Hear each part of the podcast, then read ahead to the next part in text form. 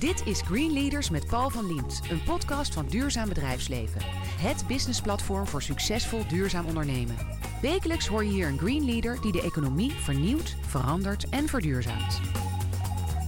Ingrid Thijssen is CEO bij Alliander. Het bedrijf verzorgt de distributie van energie in een groot deel van Nederland. Als een van de grootste netbedrijven kan Alliander een belangrijke rol spelen bij de overstap van fossiele energie naar schone energiebronnen. Mevrouw Thijssen, welkom. Dank Ja, welke rol kan Alliander spelen in die energietransitie? Nou, zoals u zegt, Alliander is een bedrijf, eh, dat is geen energieleverancier. Zoals u kent, eh Nuon bijvoorbeeld, of Eneco of Van de Bron.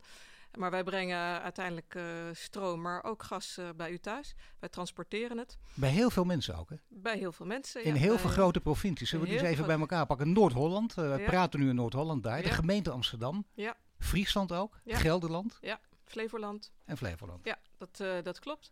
Ehm, en eh nou, Alliander heeft eh, ja, qua omvang 7000 collega's heb ik en een omzet van 2 miljard. Ehm, en wat we bij kunnen dragen aan de energietransitie is eh, nou, in de eerste plaats dat eh, het hele energienet, het elektriciteitsnet, is nooit aangelegd op eh, alle zon- en windopwek die er gaat komen.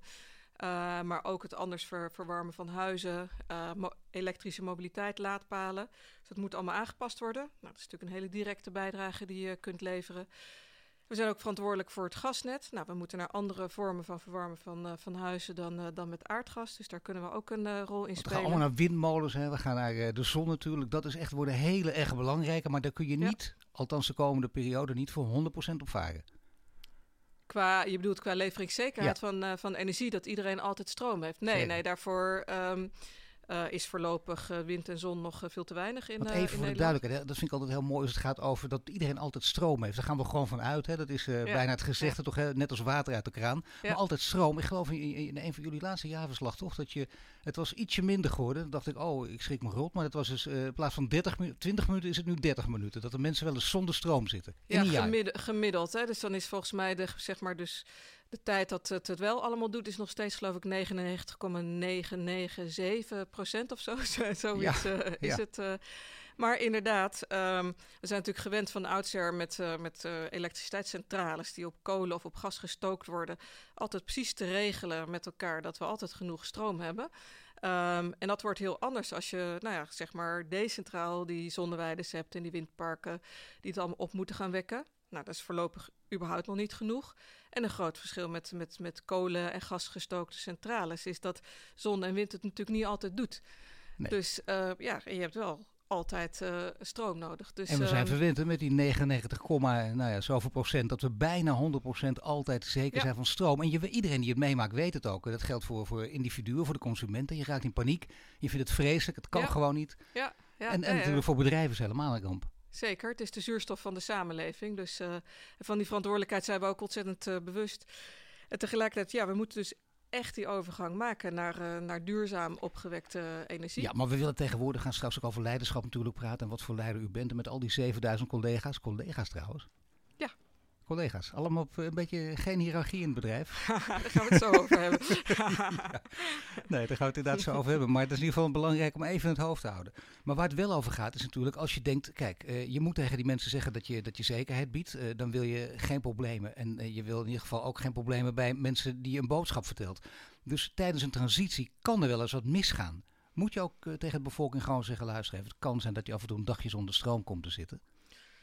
Nou, ik zou bijna zeggen dat is onze eer te na. Dus, ja, um, dus we gaan er, wij, nee, wij gaan er met, oh, met onze collega netbeheerders en bijvoorbeeld natuurlijk ook met Tennet, hè, die zeg maar het landelijke hoogspanningsnet uh, doet, uh, gaan, wij er, gaan wij ervoor zorgen. Ja, garanderen kan ik natuurlijk nooit, maar uh, wel alles aan doen om te zorgen dat, dat de stroom gewoon uit het stopcontact blijft komen. Natuurlijk, daar willen jullie alles voor doen als je eer te na, maar de aandeelhouders zullen er ook veel aan gelegen zijn dat het allemaal goed gaat. Hè? Want dat zijn natuurlijk de grote provincies en de, en de gemeente Amsterdam. Ja, zeker. Dus, dus ons type bedrijven is inderdaad de aandeelhouders uh, zijn gemeentes en provincies. Um, ja, en uh, die hebben natuurlijk uh, nou, in de eerste plaats uh, ook heel veel belang bij dat het het altijd doet. Maar ze willen ook heel graag, en dat, dat waardeer ik enorm, dat helpt ons ook, dat wij echt een bijdrage leveren aan de energietransitie. Dus naar, aan de overstap naar duurzame energie. Ja, tijdens die transitie gaat het natuurlijk ook over de kosten van de transitie. En hoe kun je die zo goed mogelijk verdelen? Kunnen jullie daar ook nog een rol in spelen of is dat helemaal aan de politiek? Nee, daar kunnen wij zeker een rol in spelen. Um, dus als het gaat over de totale kosten, hebben we natuurlijk uh, direct invloed op uh, de kosten van de aanpassingen die in de infrastructuur moeten gaan gebeuren. Dus aan het aardgasnet of aan het uh, elektriciteitsnet. Daarom doen we ook ontzettend veel aan digitalisering en ook aan, aan innovaties om, om die kosten zo laag mogelijk te houden. Dus dat is ehm, een belangrijke rol die we hebben.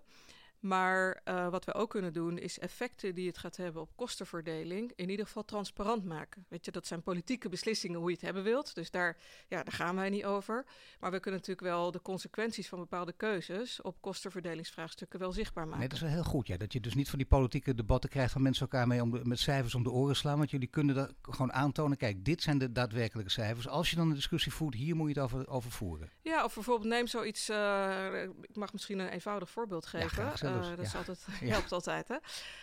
Um, maar bijvoorbeeld als jij nu je aardgasaansluiting opzegt, dan is het nu in de wet zo geregeld dat degene die opzegt, dat die de kosten betaalt daarvan. Um, nou, daar is best wel discussie over nu, want er zijn ja. natuurlijk allerlei mensen die zeggen, ja, maar dat is een enorme duurzame groene uh, gedachte en initiatief als je dat doet. Dat is toch zonde dat je daarvoor de rekening dan krijgt. Dan zeggen wij van ja, maar ja, weet je, als degene die er afgaat, zoals wij dat noemen, het niet betaalt, dan betekent dat dat alle mensen die nog op dat aardgasnet blijven het betalen. Um, en die gaan dus meer betalen. Ja. ja. En daarvan kun je zeggen, nou, dat is dan weer een goede prikkel. dan gaan ze er ook af. Maar tegelijkertijd zijn dat natuurlijk ook vaak de mensen die het wat minder goed kunnen betalen. Hè. Dat zijn uiteindelijk waarschijnlijk de mensen die erop blijven. Ja, dat is echt een kostenverdelingsvraagstuk. En daarvan zeggen wij dan ook, dat maken we dan ook ja, duidelijk in Den Haag. Van ja, hier moet je wel over nadenken hoe je dit hebben wilt. Dat is een belangrijke, maar daarnaast uh, noemde u ook even al eerder digitalisering en innovaties. Wat, wat is een innovatie die hierbij kan helpen? Nou, bijvoorbeeld een innovatie die wij vorig jaar hebben geïntroduceerd. Uh, dus hebben we eerst veel pilots meegedaan in Herugewaard. En nu hebben we het echt geïntroduceerd in Nijmegen. Is om ja, wat wij dan noemen een flexmarkt te beginnen. En dat betekent eigenlijk dat je probeert. Dit is dan uh, in de buurt van de industrieterrein in Nijmegen. Goh, uh, wij hoeven het elektriciteitsnet niet uit te breiden als er partijen zijn op dat industrieterrein die een beetje willen spelen met wanneer ze e hoeveel energie gebruiken of terugleveren, zeg maar, als ze zelf opwekken. Nou, daar, daar, daar kunnen wij een soort markt lokaal voor organiseren. Wat goedkoper is dan het net uitbreiden. En dat hebben we daar nu bijvoorbeeld gedaan. En is dit de enige? Uh, ik bedoel, is dit één van de, of, of de, enige, of één van de, of een van de vele innovaties? Nou, ik zou dat, dat wel een van de vele innovaties willen noemen. Het is ook wel iets waar Alliander al ontzettend lang mee bezig is. Van goh, wat kun je, die energietransitie komt eraan en wat kun je nou doen? Nou ja, om uiteindelijk te zorgen dat het lukt inderdaad en dat de kosten een beetje behaal, uh, behapbaar blijven.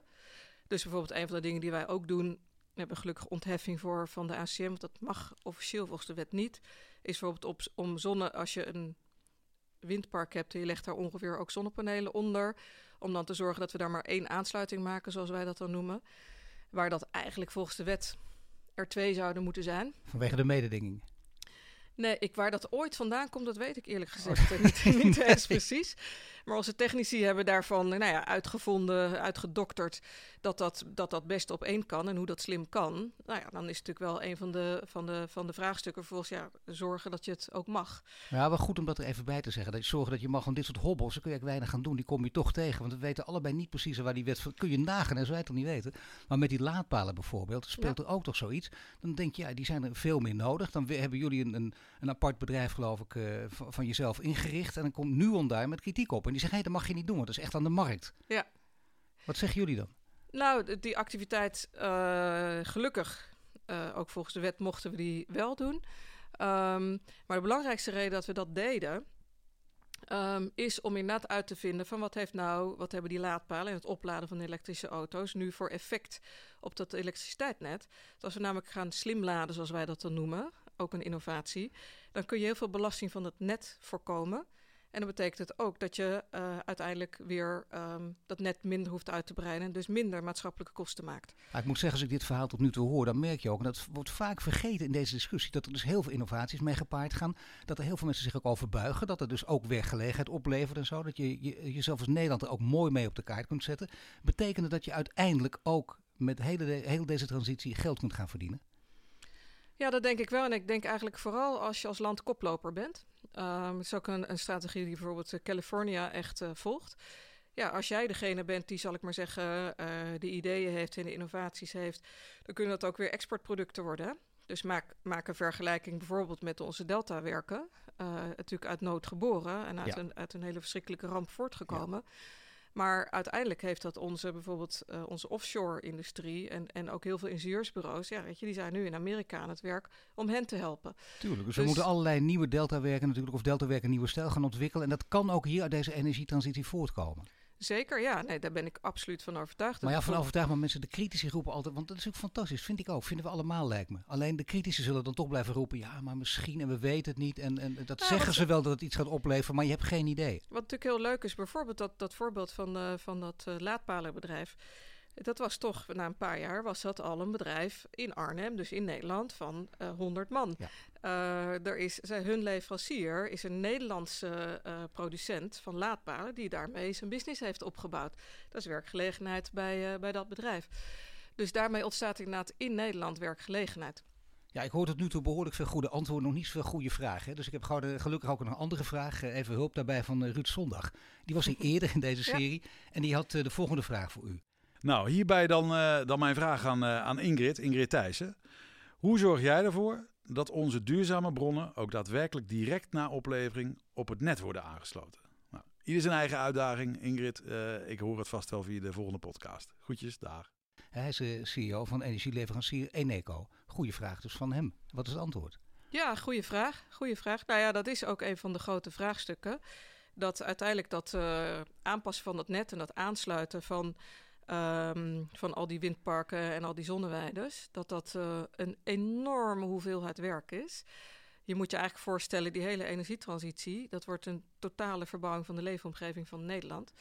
Ja. Um, en daarvoor heeft, heeft Nederland gewoon veel te weinig technici. Echt veel en veel te weinig.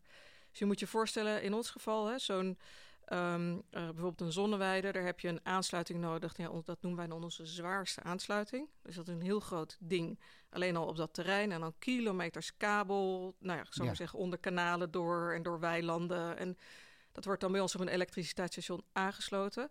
Dat station moet dan vaak uitgebreid uh, worden. Dus dat is een enorme bergwerk. En van dat soort type aansluitingen deden we er tot, tot voor kort pak een bij 20 per jaar. En vorig jaar hadden we daarvoor 150 aanvragen. Ja. dus het is, ook, het is niet een beetje meer werk. Het is gewoon 7,5 keer zoveel. Ja, en daarom vraagt hij ook, hoe zorg je ervoor dat onze duurzame bronnen ook daadwerkelijk direct na de oplevering worden aangesloten? Dus die garantie is dan niet te geven. Die is niet 100% te, te geven met, met het enorme tekort aan technici in Nederland.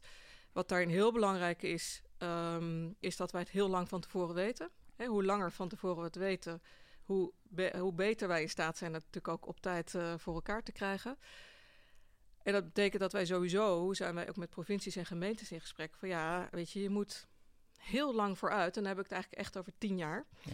moet, je, moet je weten wat er nou waar gaat gebeuren. Dat moet je plannen, ontwerpen, elektriciteit, gas, warmtenetten, opwek, laadpalen. Dat moet je lang vooruit uh, ontwerpen, want dan, dan kun je het plannen.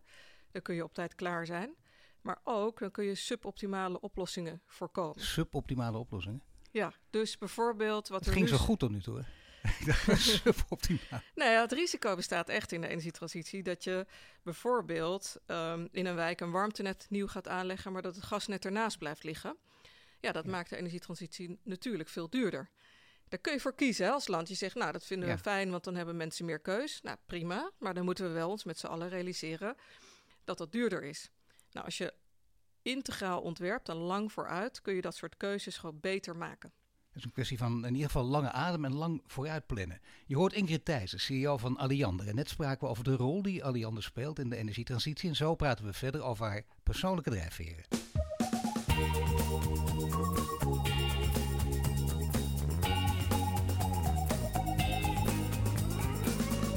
Mij in de studio Ingrid Thijssen, bestuursvoorzitter van Alliander. Net spraken we over de bijdrage die Alliander levert aan de energietransitie. Nu praten we verder over haar persoonlijke achtergrond. Ja, eerst te beginnen met de ouders natuurlijk. Hè? De, de bekende vraag over het nest. Maar wel belangrijk, waar komt Ingrid Thijssen vandaan? Wat deden je ouders? Of uw ouders? Ja, mijn ouders. Uh, mijn vader heeft zijn hele leven bij de marine gewerkt. Die was uh, scheepsbouwer. Uh, mijn moeder, zoals het toen ging, die stopte met werken toen ze trouwde. Die werkte daarvoor in de jeugdzorg. Zoals Dus- het toen ging, het was zelfs verplicht ook nog een bepaalde periode. Ja, ja, volgens mij Ook werd nog. ze er gewoon uitgegooid eh, toen ze aankondigde Ja, als je dat ging trouwen, eh, betekent dat dat ze ook? ging trouwen. Ja, dus eh, ja, doodzonde natuurlijk. Gewoon een hele talentvolle vrouw, intelligente vrouw. Ja, ehm, Verspilling van heel veel vrouwelijk talent is dat sowieso. Dat is al aangetoond ook in ieder geval in vorige generaties. absoluut, absoluut. Daarom is overigens die tentoonstelling nu in het gemeentemuseum in Amsterdam heel mooi over. Ik geloof dat het heet duizend vrouwen in de afgelopen eeuw. Die helemaal niet bekend zijn, maar ontzettend veel impact hebben gehad eh, op belangrijke vraagstukken in Nederland. Maar ja, daar gaat Ingrid Thijssen niet overkomen in dat museum staan, want die is natuurlijk wel bekend. Impact en bekend natuurlijk ook. Hè. Dus eh, niet aan de breiwerkjes, maar eh, bij al die andere patronen breien. Liever niet aan. Nee, nee, nee. nee. Ik, eh, ik heb wel absoluut ehm, een drive om, om impact te hebben. Uiteindelijk op eh, wat goed is voor de samenleving. Maar werd het ook thuis eh, gestimuleerd? Want het kan ook zo dat ze zeggen, nou weet je wat, ga lekker eh, poetsen en, eh, en koken. nee, ook belangrijk zeker. trouwens hoor. Ook belangrijk, absoluut. Nee, zeker ehm, maatschappelijke verantwoordelijkheid nemen en, en je talenten maximaal inzetten voor de samenleving. Dat is me echt met de paplepel ingegoten. Protestant-christelijk gezin ook. hè. Dat- dat, gezin. Ja, dat verraad je altijd ook natuurlijk. Ook door deze teksten. Dat is heel belangrijk. Ja. Ook schuld en boete maakt daar een belangrijk onderdeel van uit. Ja, dat klopt. Dat, eh, daar, daar ben ik gelukkig inmiddels eh, ben ik dat wel een beetje kwijt. Want dat vind ik een minder aangename kant ervan. Maar wat, schuld of boete? Nou, beide. Ja, dat nee, maar dat gevoel van, van dat er soort eh, iets zwarts altijd boven hangt, zal ik maar zeggen. Terwijl op zich hè, de waarde van plichtsbesef eh, en het, het je inzetten uiteindelijk voor, ehm, voor de maatschappij, die zijn natuurlijk prachtig. Maar het, het, verhaal van hel en verdoemenis, dat niet. Als je dit niet doet, dan kom je in de hel en dan ga je branden. Daar ben ik eh, wat Vage vuur. Ja, dat inspireert mij niet, zeg maar. Nee, maar betekent dat wel dat, dat u in de loop der jaren ook, ook daadwerkelijk afstand heeft genomen want, van, het geloof of niet?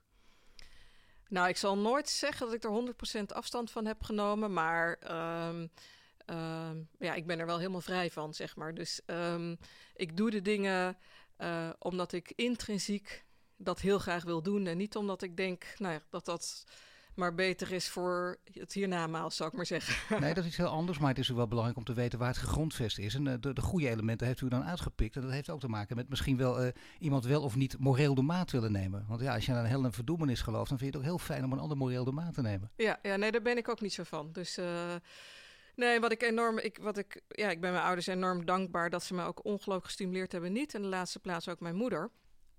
Om inderdaad, ja, weet je, echt ehm, er alles aan te doen om, eh, ja, om mijn talenten maximaal te, te ontplooien. Dat is En, ook gelukt natuurlijk. Hè. CEO van een groot bedrijf, eh, ook, eh, het is altijd leuk om even te zeggen, meer dan twee ton per jaar verdienen. Dat speelt toch ook een rol, want dat zag ik in het jaarverslag weer staan. Nee, maar goed, dat is ook, maar ook weer veel minder dan collega's geloof ik in vergelijkbare bedrijven. Ja, dat klopt. Hoe komt dat? Ja, dat klopt. Dus, ehm, Nee, maar even serieus, als je de verantwoordelijkheid hoort, hè, die, die je op je, op je schouders eh, neemt, dat is nogal wat. Dus daar mag je ook voor betaald worden. Ja, nee, natuurlijk. Ehm, ik zit in de wedstrijd. eh, weet je dat uiteindelijk je moet doen wat je, waar, waar je in gelooft en wat je ontzettend leuk vindt. En wat ik super vind is Alliander is, is een bedrijf dat echt een rol kan spelen in, in de verduurzaming, in de energietransitie. Ja, en het is gewoon fantastisch om daar leiding aan te mogen geven. Maakt het ook iets uit om daar leiding aan te geven als vrouw? En ik vraag het nu echt specifiek, omdat ja, ik ben niet voor niks uitgeroepen tot topvrouw 2016. En dan ga je ook een paar teksten en interviews geven natuurlijk. En je zegt, ja nee, dat scheelt inderdaad. Maakt het wat uit of er nu een vrouw of een man eh, aan de top staat bij Alliander of niet? Nou, niet per se wie er aan de top staat. Eh, ik geloof wel heilig eh, in, de, in de kracht van diversiteit. Dat er uiteindelijk een bedrijf gewoon betere beslissingen neemt als het, ehm, eh, nou, überhaupt teams, hè, als ze divers zijn, eh, zijn samengesteld. Dat is inmiddels zelfs letterlijk wetenschappelijk bewezen ook. Het is bewezen, dus, dus het is ook best wel bijzonder dat er nog steeds maar ja, ook bedrijven zijn die, die niet ontzettend hun best doen om dat te bereiken. Dat verbaast Hebt u ooit iets gemerkt aan tegenwerking of juist dat het u geholpen heeft, eh, omdat je vrouw bent? Dat je soms juist voorkeur kreeg of juist in tegendeel, dat ze dachten, nou die nemen we niet? Bij de NS heeft u gewerkt, overal ook grote bedrijven, grote functies gehad. Nou, nou dat, dat het me tegengewerkt heeft. eh, nee, dat het me tegengewerkt heeft niet. Dat het me heel erg eh, geholpen heeft. Ook niet specifiek. Kijk, ik heb wel een paar keer meegemaakt dat. ehm, ja, dat mensen toch ergens in hun achterhoofd wel bepaalde beelden hebben over een vrouw in, in zo'n soort positie. Ergens in hun achterhoofd bepaalde beelden. Zeg Ja, maar even ik- lekker vrij uit hoor. Dus, en wat dan? eh, Wat voor beelden dan? Nou, weet je, die, die dan, eh ja, god, weet je, die toch eigenlijk, en dat is was het grappige is, dat is helemaal niet vervelend bedoeld dan, hè, vanuit die persoon. Maar toch over, ja, nou ja, weet je, bijvoorbeeld... eh, nou ja, weet je, dat ja, voor de vrouw toch ja, een meer rol richting de kinderen is weggelegd. Bijvoorbeeld, hè. Ja, dus dat- ik had bijvoorbeeld een keer een gesprek met een collega, een man natuurlijk dan... Ehm, eh, over hoe dat dan gaat als je een zware baan combineert met kinderen en je man ook nog werkt. En eh, die was van overtuigd dat eh, de crash toch het eerste de moeder belt eh, dan de vader. Ja. Ja, gewoon dat soort, dat soort dingen. En het is niet vervelend bedoeld, maar het is wel een manier waarop je toch benaderd wordt. ja, nog steeds in deze tijd. Nog steeds in deze tijd. Ja, ik heb in mijn, nou ja, ik noem dat mijn topvrouwjaar ook veel met ja, jongere meiden, die inmiddels dan ook al moeder worden, maar dat noem ik dan jonge Ja. meiden, Ja. gesproken. En dan, ja, dan merk ik dat zij nog steeds tegen allemaal dezelfde dingen aanlopen eh, als ik 15 jaar geleden. Dat vind, dat vind dat- ik wel verbazingwekkend. Ja, dat is vrij chockerend zelfs. Maar wat Ja. voor dingen? Dan noem eens iets Nou ja, het, meest simpele voorbeeld is natuurlijk bijvoorbeeld eh, de kinderopvang. Het is natuurlijk nog steeds niet Ja. goed geregeld in Nederland. kunnen naar Scandinavië kijken waar dat beter Bijvoorbeeld, is. het gaat natuurlijk ook over schooltijden. Ja, weet je, dat de kinderen om half drie klaar zijn. Ja, en dan? Nou, misschien daar ook nog een missie weggelegd bijvoorbeeld. Hè? Nu, nu probeert u het via Alliander en dat, dat, is, dat is een prachtige missie, maar die kun je ook eh, politiek vertalen. U bent geloof ik ook lid zelfs van D66. Je zou ook eh, minister kunnen zijn. Nou, kijk, wat ik... U bent een hartstikke jong. Het lijkt niet uit dit gesprek. Het is over jonge meiden, maar volgens mij, hoe oud? 29, 50. Goed, hè, 50. voor mij. Ja, Ja, heel 50. goed, ja. dat, ja. Ja, ehm, nou, weet je... ehm, wat ik ongelooflijk leuk vind aan het leidinggeven aan, eh, aan, aan zo'n bedrijf... is dat je direct impact kunt hebben op het vraagstuk... eh, op het maatschappelijk vraagstuk waar je mee bezig bent. Veel meer, denk ik, dan in Politiek Den Haag. Daar maak je als het goed natuurlijk de kaders. Maar, Ze hoeven ehm, niet te bellen voor ministerschap ook. Dus er- ik, ik ben hier gewoon lekker aan het doen. Ja. Maar leiding geven aan 7000 mensen. Daar hadden we het net in het begin van dit gesprek over. Hè. U noemt ze keurig allemaal collega's. Maar natuurlijk is er sprake van hiërarchie. Natuurlijk heb je alle verantwoordelijkheid uiteindelijk op je geladen. Als het misgaat, dan wijzen ze toch naar de topvrouw in dit geval. Zo werkt het ook. En het mag ook, die verantwoordelijkheid heb je. Maar wat is uw stijl van leiding geven? Ja, dat vind ik altijd een ontzettend moeilijke vraag. En dan denk ik ook altijd, ja, dat moet je aan mijn collega's vragen. Nee, nee, nee. dat Ehm, heb je toch zelfreflectie. ja, ik ben nogal van de zelfreflectie. Ja, dus als je het hebt over van ja, leiding geven, dan eh, de, absoluut. Ik ben altijd bezig met wat kan ik beter doen. En als dingen niet lekker zijn gelopen, met eh, inderdaad, nou, wat ik, had ik daar anders in kunnen doen. Ehm, nou, ik denk dat ik, dat ik iemand ben die eigenlijk altijd bezig is met, met het hogere doel van waarmee nou, we, zeg ik dan maar even, bezig zijn. En die dat ook nou, weet over te dragen op de organisatie, dus daarmee inspiratie eh, overdraagt. En ik ben ook altijd heel erg bezig wel met onze mensen, maar ook met, eh, met mensen van, van partners, van andere bedrijven, van gemeentes, et cetera. Ehm, ja, te bedenken en hoe dan. Dus eh, nou, het hogere doel en in verbinding bezig zijn met, met hoe dan. Ehm, Maar het hogere doel is Ja. ook, als ik het een beetje clichématig toch mag zeggen, maar laten we zeggen de stip aan de horizon. Ik hoor het vaak van leidinggevenden. Het lijkt mij een heel reëel verhaal, maar u moet het maar weer leggen als het niet waar is. Dat ze zeggen, kijk, ik vind het heel belangrijk, die stip aan de horizon. Als mensen dus op een dag iets doen waarvan ze denken, ja, dat vind ik eigenlijk geen prettige klus. Dat je altijd kunt zeggen, ik snap dat je dit niet prettig vindt, maar doe dit vandaag. Want dat staat allemaal in het teken van wat we uiteindelijk willen bereiken. Is dat een goede manier van leiding geven? Nou, ik denk dat als je. Als je ik denk dat mensen zich eh, heel graag uiteindelijk verbinden aan, eh, aan een doel en aan een missie. En aan, eh, als ze het gevoel hebben dat dat klopt. It makes sense. Dus ik denk dat een van de ehm, dingen die je goed moet doen, is dat heel goed uitleggen waar je naartoe wilt en waarom. En hoe dan wat mensen doen, al die individuele collega's doen, daaraan bijdraagt. En dat dat heel inspirerend is. En er hoort ook heel erg bij, ook absoluut wel openstaan voor eh, tegengeluid.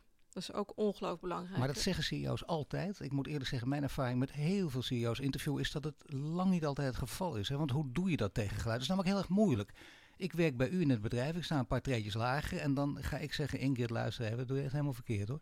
Trouwens, eh, die rode jurk kan ook helemaal niet. Ik noem maar wat. Hè? Nee, maar dat, dat Ja. zijn dingen, dat, dat, in Ja. je, je publieke optreden, je zet ons voor gek. Dat Ja. soort harde kritieken, dat zou Ja. kunnen. En Ja. is dat mogelijk? Zijn, zijn er mensen bij u in het bedrijf die dat doen? Er zijn zeker mensen bij ons in het bedrijf die dat doen. Zo. Ehm, zeker ook mensen die wat dichterbij staan. Hè. Het blijft natuurlijk zo. eh, ja, je bent de baas en dat geeft een, een, een zekere afstand. Ehm. Dat wil je helemaal niet als CEO, maar dat is natuurlijk toch wel wat er uiteindelijk vanzelf gebeurt. Maar met name met de mensen die wat dichter bij je staat, denk ik dat het lukt dat ik ook echt eh, feedback krijg. Maar Zowel zou iets kunnen noemen? Zou iets kunnen noemen van ik denk, nou, dat is inderdaad een zwakke punt. En dat heeft, heeft iemand die in mijn omgeving, in mijn, in mijn bedrijf, heeft mij daarbij geholpen. Heeft me sterker gemaakt. Ik uh, zal ik een heel simpel voorbeeld uh, Nou, geven. Ik, als ik um, als ik ergens, nou, dat hoeft niet eens per se boos te zijn, maar als ik ergens enthousiast over ben, dan kan ik letterlijk met mijn vuist op tafel slaan. En, dat is nu nog niet gebeurd. Het is hier nog niet gebeurd, dat is ook komen. niet goed voor de opname. en, um, en daar heeft een collega een keer van gezegd: van goh, Ingrid, um, ik kan het wel hebben en ik snap het ook wel dat je het doet. Uh, maar dat, dat vinden mensen echt niet prettig. Daar ben ik echt van geschrokken. Toen dacht ik, ah, daar moet ik ook echt mee ophouden. En wat ik denk ik doe als leiders, in ieder geval, uh, is dat mensen uh, in mijn omgeving merken dat ik kwetsbaar, me kwetsbaar durf open, op te stellen, Zeker. dat ik openhartig ben. En dat nodigt uit om ook feedback te geven. Dan is er nog iets. We proberen in deze reeks, deze reeks uh, uh, van, van duurzaam bedrijfsleven, Green Leaders, erachter te komen. Wat is nu een duurzame leider? En ik snap ook wel dat je er geen makkelijke definitie zo aan kunt geven. Maar we kunnen wel proberen ergens toe te komen. Welke richting moet je denken? Want een duurzame leider is net weer iets anders dan een gewone leider. Ja, ben ik met je eens. Ja, dan, dan kom je natuurlijk toch op, uh, op dingen als, maar ja, toch inderdaad echt bezig zijn met uh, ja, het, het, een, een doel wat eigenlijk jouw bedrijfsdoelstellingen overschrijdt, denk ik. Hoewel ik denk eerlijk gezegd dat het heel goed samengaat. Ja. Ik denk dat het ook gaat over, um, nou, over lef, bijvoorbeeld. Ik, lef betekent ook risico nemen dus? Ja, dingen durven. Uh, dus dat is zowel bepaalde beslissingen durven nemen... maar het is ook uh, het lef om je mond open te trekken. Dus het lef om te zeggen uh, waar het op staat. Um, en ik denk dat, dat, dat green leaders ook heel veel bezig zijn met uh, hoe. Dus niet alleen maar wat zou er moeten gebeuren, maar bezig zijn met na te denken over oplossing van hoe zou je dit kunnen doen. En bijna per definitie daardoor ook meer aan de lange termijn denken. Of niet? Ja, die hoort er volgens mij ook bij. Ja, ja. zeker, zeker. Oké, en het woord is de openhartige Ingrid Thijs. heeft nog niet met de vuist op tafel geslagen, maar dat, dat kan nog. Heb nog uh, ongeveer 10 minuten, wie weet. En net spraken we over haar persoonlijke motivatie. En zo praten we verder over de grootste verbouwing van Nederland sinds de Tweede Wereldoorlog.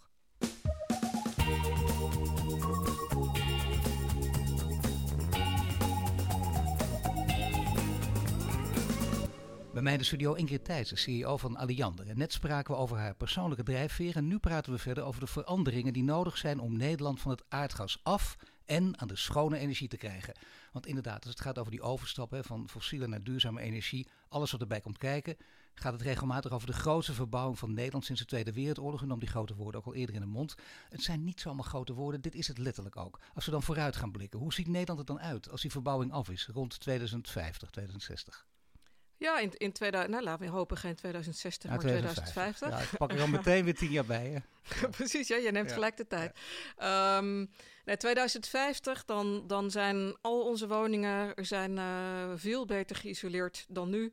Uh, waar maar mogelijk is, wordt er um, op daken van woningen en gebouwen... wordt er, uh, wordt er natuurlijk energie opgewekt met zonnepanelen. Steden vol zonnepanelen. Steden ook. vol zonnepanelen. Um, snelwegen met, uh, vol met bermen, met, vol met, uh, met zonnepanelen of, uh, of windmolens. Overal elektrische auto's? Overal elektrische auto's. Dus alleen al in 2030 moeten er al in heel Nederland 1,8 miljoen laadpalen bij staan. Dus, dus ik zie bijna vormen, of je het nou aantrekkelijk vindt of niet...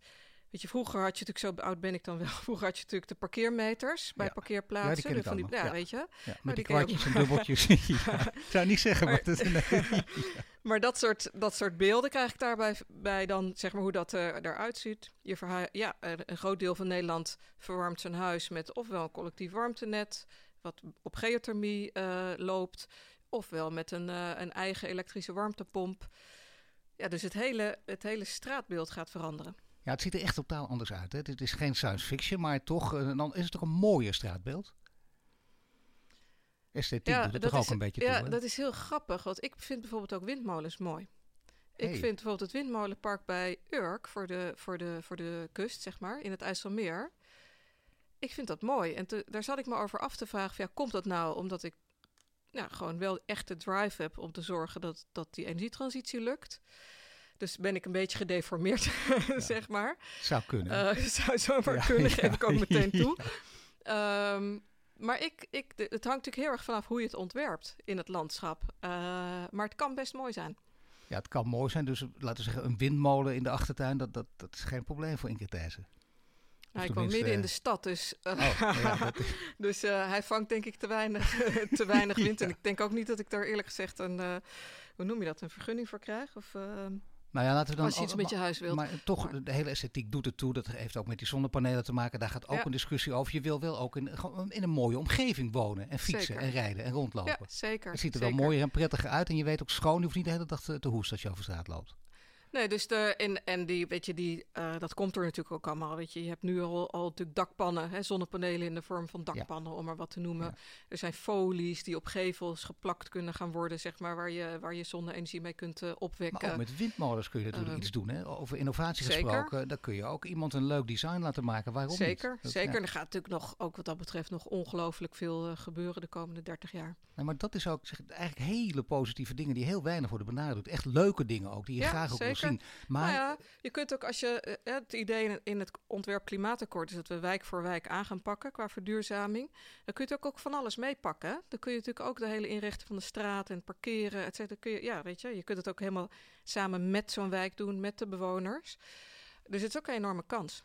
Maar u zei al eerder, natuurlijk, die kans moet je ook benutten. Maar u zei al eerder, eh, we hebben daar wel heel veel technici voor nodig. Ja. Eh, eh, om die innovaties ook uiteindelijk ook gewoon te bedenken. Maar ze vervolgens ook er neer te zetten. Je hebt monteurs nodig, installateurs. En dat blijft achter. En het, het, het lijkt me, dat lijkt me echt frustrerend. Zeker in uw positie, want u zegt dat al veel eerder. Dus u weet wat er aan de hand is. U, hoopt dat anderen met u meedenken. Maar die lijken dat niet te doen. Want de opleidingen, ja, die blijven vaak zo achterwege. Dat veel bedrijven dan maar denken, weet je wat. Het gebeurt niet op, op de scholen en universiteiten. Laten we maar zelf opleidingen inrichten. Dat is natuurlijk niet de bedoeling. Hoe kun je dat een versnelling geven? Want dat is hard nodig. Dat ben ik met je eens. En, en eh, nou, je punt van god dat dat best eh, een beetje frustrerend kan zijn als je dat al een hele tijd ziet en Nou het ja. eh, schiet niet op. Dat, daar, daar heb je in alle eerlijkheid ook best wel gelijk in. Maar waar is de Ehm, hobbel? Want je ziet dan uiteindelijk waar de grootste hobbel ligt die je moet nemen. Nou, ik denk dat eigenlijk misschien wel de allergrootste hobbel, en eerlijk gezegd, ook al ben ik altijd bezig met hoe moet dit, heb ik daar ook nog geen oplossing voor, ehm, is dat we gewoon te weinig mensen hebben om nieuwe mensen op te leiden in Nederland. Ja. Mooi verhaal van een collega van mij. Haar schoonvader is eh, loodgieter. En hij werd door zijn oude bedrijf gevraagd om terug te komen om een jonkie op te leiden. Maar de beste man is 80. hij had er geen zin meer in. Maar het is wel een van onze grootste, grootste vraagstukken. En dat betekent dat er ook.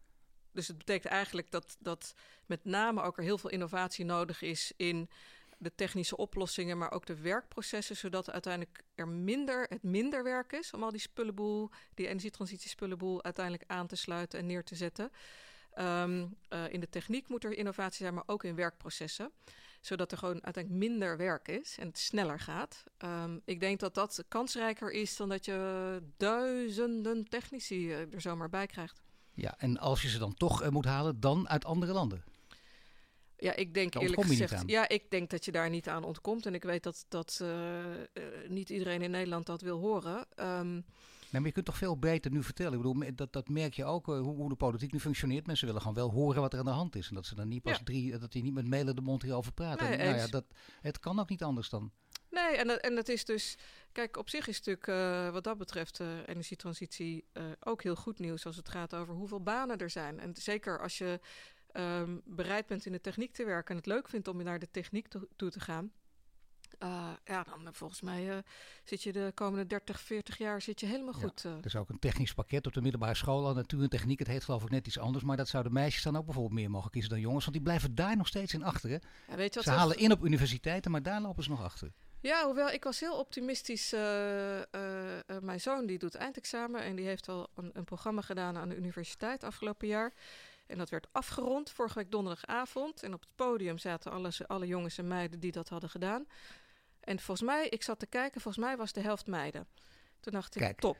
Want het Ja, was nee, namelijk het een technische kant, zou ik maar zeggen. Dus eh, Ja. top. Nou, ik zat toevallig pas bij een discussie waar de cijfers werden getoond. En die gaven aan dat het niet zo ver gaat, maar wel deze kant op inderdaad. Het begint maar echt daar zou een versnelling kunnen. Als meiden ook eh, een leuke baan willen, dan zouden ze het hier moeten doen eigenlijk. Ja, zeker. zeker. Bent u zelf een beetje technisch eh, onderlegd of niet? Nee, ik ben eh, wel een beta, zou ik maar zeggen, ook qua vakkenpakket op de middelbare school. Oh. Maar ik heb rechten gestudeerd. dat is toch wel handig. Dus u begrijpt er wel iets van. Met een van de mensen op het verschrikkelijke woord de werkvloer, als u met ze praat. Ja, ja ik heb wel een eh, redelijk. eh, ik, ik, denk, ik denk wel vrij. in ieder geval vrij analytisch en logisch, zeg maar. Helpt dat trouwens, als je, als je leiding geeft, dat, dat mensen denken, oh dat is wel mooi. Ze, weet ongeveer, ze heeft ook een beetje een gevoel voor wat wij aan het doen zijn. Ja, en ik denk dat het allerbelangrijkste is ehm, dat je oprecht geïnteresseerd bent Ja. in waar je mensen mee bezig zijn. Ja. En dan maakt het eigenlijk niet uit wat je achtergrond is. Nu maak je ook eh, onderdeel uit, of u onderdeel uit van de gesprekken over het klimaatakkoord. En eh, die gesprekken die zijn een bepaalde richting opgegaan. Daar is ook politiek heel veel op gereageerd natuurlijk. Eh, eh, voor voor Democratie, een hele grote partij. Ook heel veel sceptici natuurlijk. Helpt dat de discussie op gang of maakt dat eigenlijk niets uit voor waar u aan het werken bent? Maar ik kan daar een paar dingen over zeggen. Wat ik eigenlijk heel positief vind, zelfs van het feit dat heel veel mensen er onzeker, of ja, laat ik zeggen, ervan geschrokken zijn en misschien niet meteen positief over zijn, is vergeleken met een jaar geleden, realiseert Nederland zich veel beter eh, wat er moet gebeuren. Dus dat alleen al vind ik, eh, vind ik eigenlijk heel positief. Ja, het is inderdaad, het is niet meer van, oh saaie discussie. Je wil het er juist over hebben nu. Ja, Dat dus het is, dus, Ja. en dat is denk ik goed. Ehm, nou, ik, ik, heb het ver- ik heb eigenlijk het meest vervelend gevonden dat ehm, eh, met name coalitiepartijen geneigd waren toch ook afgelopen tijd tot, tot de klimaatdraai een beetje negatieve dingen ineens te zeggen over klimaatmaatregelen en zo. Terwijl ik denk, goh, eh, als, het, als de energietransitie ergens eh, bij gediend is, is het draagvlak. En dan zouden juist ja, politici, in ieder geval degene die dat ook, ja, daar ook voor zijn, ehm, ja, zeg maar niet de, de, de, angst en onzekerheid gaan, eh, gaan voeden. Althans, niet waar dat onterecht is. Dus dat vond ik, dat vond ik ingewikkeld. Nou, het laatste wat ik erover kan zeggen is dat ik ervan overtuigd ben eh, dat de energietransitie eigenlijk gewoon doorgaat. Ehm, want in praktijk is het gewoon aan het gebeuren. Nou ja, eigenlijk gewoon doorgaat. Dat wordt eigenlijk, mag er dan af of niet? Bedoel, het Ja, dat kan mag bijna- als je het zo lang natuurlijk- vooruit moet kijken, je moet er niet aan denken dat je, want dan gaan mensen weer roepen de onbetrouwbare overheid. Dus als ik nu, eh, ja, weet ik wel wat eh, dingen aan het ontwikkelen ben als bedrijf en ik hoor op een vier jaar dat we weer een hele andere kant op gaan, dat is niet, vinden ondernemers nooit leuk. Nee, daar ben ik met je eens. Dus klimaatbeleid wat je uiteindelijk afspreekt, dat moet ook bestendig zijn. Dat ben ik helemaal met je eens.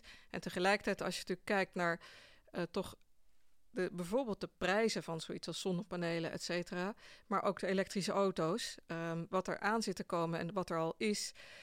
Ja, dan denk ik, dat gaat gewoon door. Dus het, het is ook al, het is begonnen en het gaat niet meer stoppen. Dan vind ik De vraag dat- is alleen of het snel genoeg gaat. ja, snel genoeg al zeggen, die 2050, die kun je niet, daar kun je ik schoof er zelf al mee tien jaar, maar dat kun je niet doen. Hè? Dat moet je gewoon niet hebben. Het moet gewoon echt 2050, is 2050.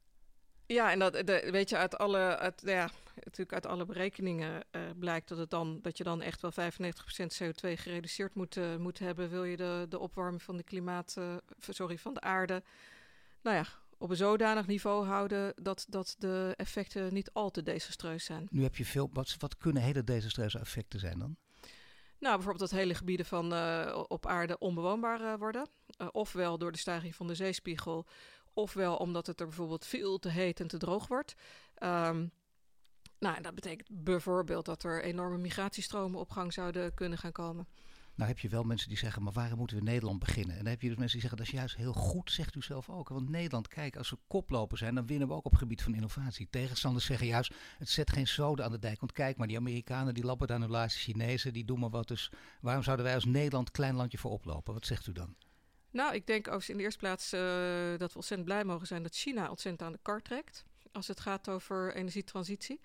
Ehm, overigens ook denk ik mede omdat die het economisch perspectief zien. Zoals jij dat net ook schetste. Van ja, Ja. weet je, als jij degene bent die het Ja. allemaal verzint. en zorgt dat je degene bent die al die oplossingen Ja. maakt en verkoopt in de wereld. Ja, dat is gewoon gunstig. Toch klein kanttekening, maar de Chinezen zijn natuurlijk geen innovators. Hè? Ik bedoel, die kijken heel goed eh, naar de techniek van anderen en die kunnen dat dan lenen, om het dus netjes uit te drukken. Ja, maar als je ziet bijvoorbeeld wat zij, wat zij doen op het gebied van eh, bijvoorbeeld elektrische auto's, ehm, eh, windparken. Nou ja, op zijn minst helpen ze te zorgen dat de prijzen daarvan, eh, door de volumes die zij hebben, dat de prijzen daarvan enorm naar beneden gaan. Maar Nederland als klein land koplopen, wat, wat, wat is het grote voordeel? Nou, het grote voordeel, het, het grote voordeel daarvan is eigenlijk waar we het net over hadden. Van, goh, het geeft ook heel veel werkgelegenheid en het geeft je een kans op nieuwe exportproducten. Ehm, weet je, bijvoorbeeld een staat als Californië, wat ik al zei, ondanks wat zeker. president Trump dan ook eh, bedenkt. Maar Californië gaat gewoon door om deze reden. Ja, en ik, maar dat is meer een persoonlijk argument. Ehm, daar, daarmee zal ik uh, klimaatceptici niet overtuigen. Ik ben ook uh, niet van het type dat als jij in de sloot springt, dat ik er ook in spring. Of andersom. Uh, dus dat ik, ja, weet je, als iedereen namelijk denkt, nou ja, ik ben te klein, ik doe maar niks, ja, dan lossen we het met z'n allen niet op. En wie is dan de allerbelangrijkste speler? Natuurlijk moet het in samenhang, dat begrijp ik. Maar als je kijkt naar consumenten, die kunnen het goede voorbeeld geven. Maar uh, als het gaat naar de grote spelers, de overheid of het bedrijfsleven. Je hebt nog geen mondiale regering. Je hebt wel multinationals. Als Unilever besluit om in één product minder plastic te stoppen. Dat is het heel veel letterlijk zoden aan de dijk. En dat is lastiger voor regeringen. Waar zou je dan voor moeten kiezen? Waar moet je inzetten? Als je echt moet kiezen, bedrijfsleven of overheid? Ja, dat is best een lastige keuze. Want je hebt, je hebt natuurlijk gelijk dat als de echte grote multinationals echt nou ja, zich erachter zetten, zeg maar. Dan heb je natuurlijk heel veel impact. Dat is ook wat ik net zei op jouw vraag. Van, goh, weet je, ik, ja. vind, ik vind het zelf heel erg leuk om leiding te geven aan een bedrijf wat impact kan hebben op dit vraagstuk.